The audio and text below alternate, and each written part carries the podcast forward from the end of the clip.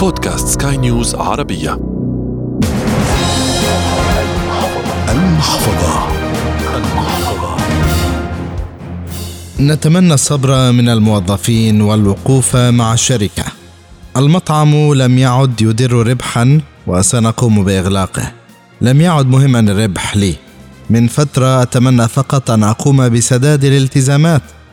دفع رواتبي يشكل عبئا كبيرا علي لم أعد أستطع المضي قدما في المؤسسة. البنك سيحجز على محلي. الطريق مسدود أمامي.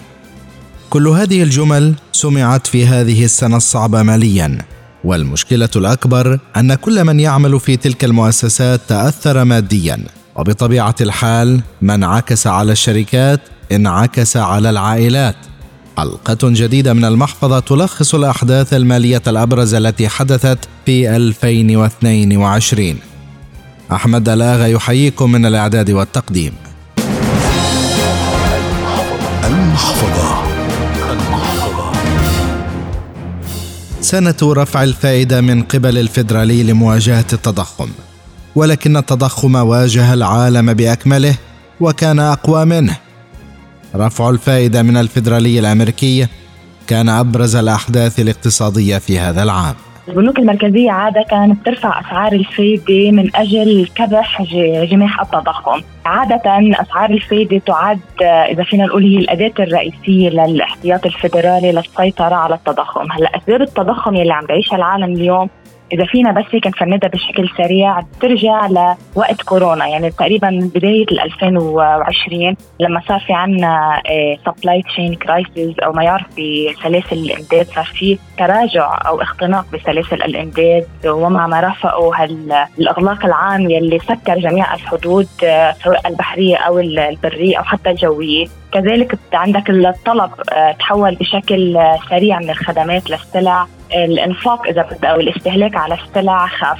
زيادة التضخم رافقها زيادة معدلات البطالة وتدني نسبة العمالة. الفدرالي عم يرفع الفايدة بشكل متكرر. هو بيعتبر أن رفع الفايدة بخفف السيولة النقدية داخل الأسواق.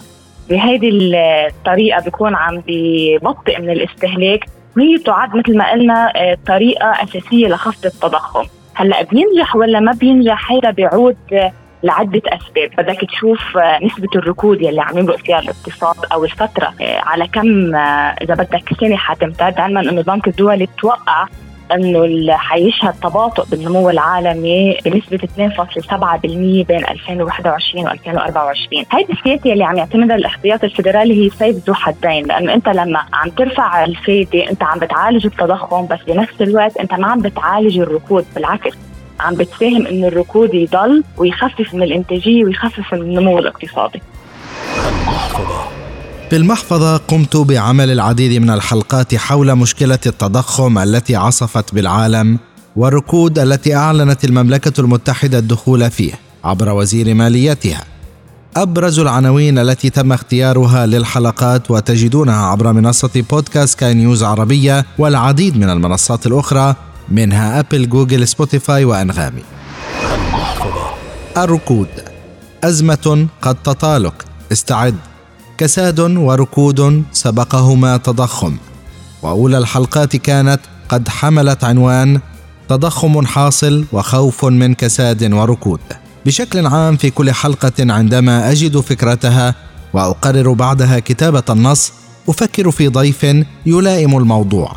أو أستعين بقسم المقابلات لاختيار الضيف. الصدفة أن كل الحلقات التي تتعلق بالتضخم، الركود والكساد كنت قد استضفت فيها الصحفية الاقتصادية هدى علاء الدين. وكانت قد بسطت المفاهيم الثلاثة وأوضحت الاختلافات بينها.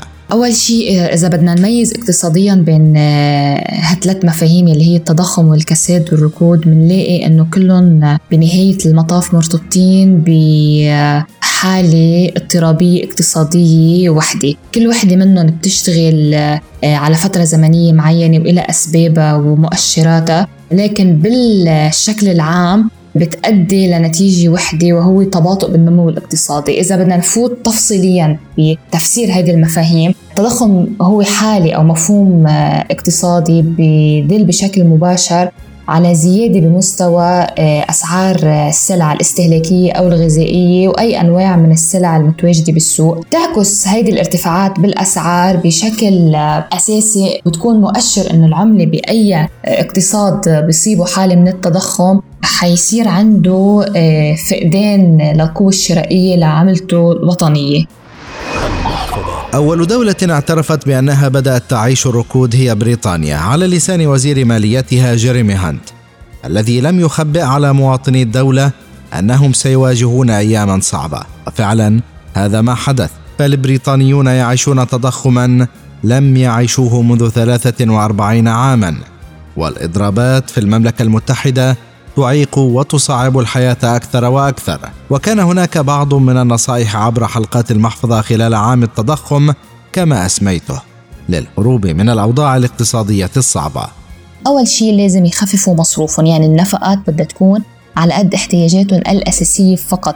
بدهم يبعدوا حالهم عن أي مصروفات آه، كمالية وغير كمالية بتخسرهم مصرياتهم. انت بمرحلة أزمة بمرحلة ركود حاول تنفق مصرياتك على قد ما انت بدك. اثنين آه، بدك كل شيء دين انت عندك إياه سواء دين بالبطاقة الائتمانية أو سندات أو كمبيالات إنك تسد هيدا الدين لأنه الدين بالركود بعرضك لخسارة أموالك وحتى إدارة هيدي الديون بتكون كتير صعبة. ثلاثة بده يكون عندك الاستعداد آه، ليكون عندك plan B دايما. لأنه إلا بالركود بيصير في تسريح للموظفين فالفرد بيكون عرضة بأي وقت إنه ممكن يخسر وظيفته أو يتم الاستغناء عنه. في حال خسرت أنت وظيفتك الأساسية يكون عندك مدخول تاني من المال. دايما أنا بقول إنه بوقت الأزمة آه، حاول قد ما فيك كفرد ما تفوت باستثمارات high risk يعني ما تقول إنه أنا بالأزمة خليني أجرب حظي بركي بعمل مصاري.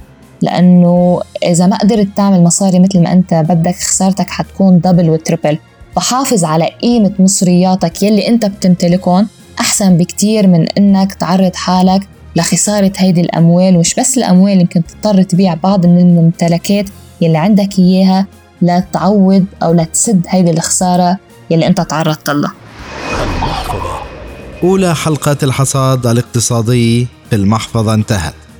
بودكاست. المحفظة يأتيكم دائما عبر منصة بودكاست سكاي نيوز عربية على أبل جوجل سبوتيفاي أنغامي والعديد من المنصات الأخرى. تقبلوا تحيات أحمد الآغا من الإعداد والتقديم. إلى اللقاء. المحفظة.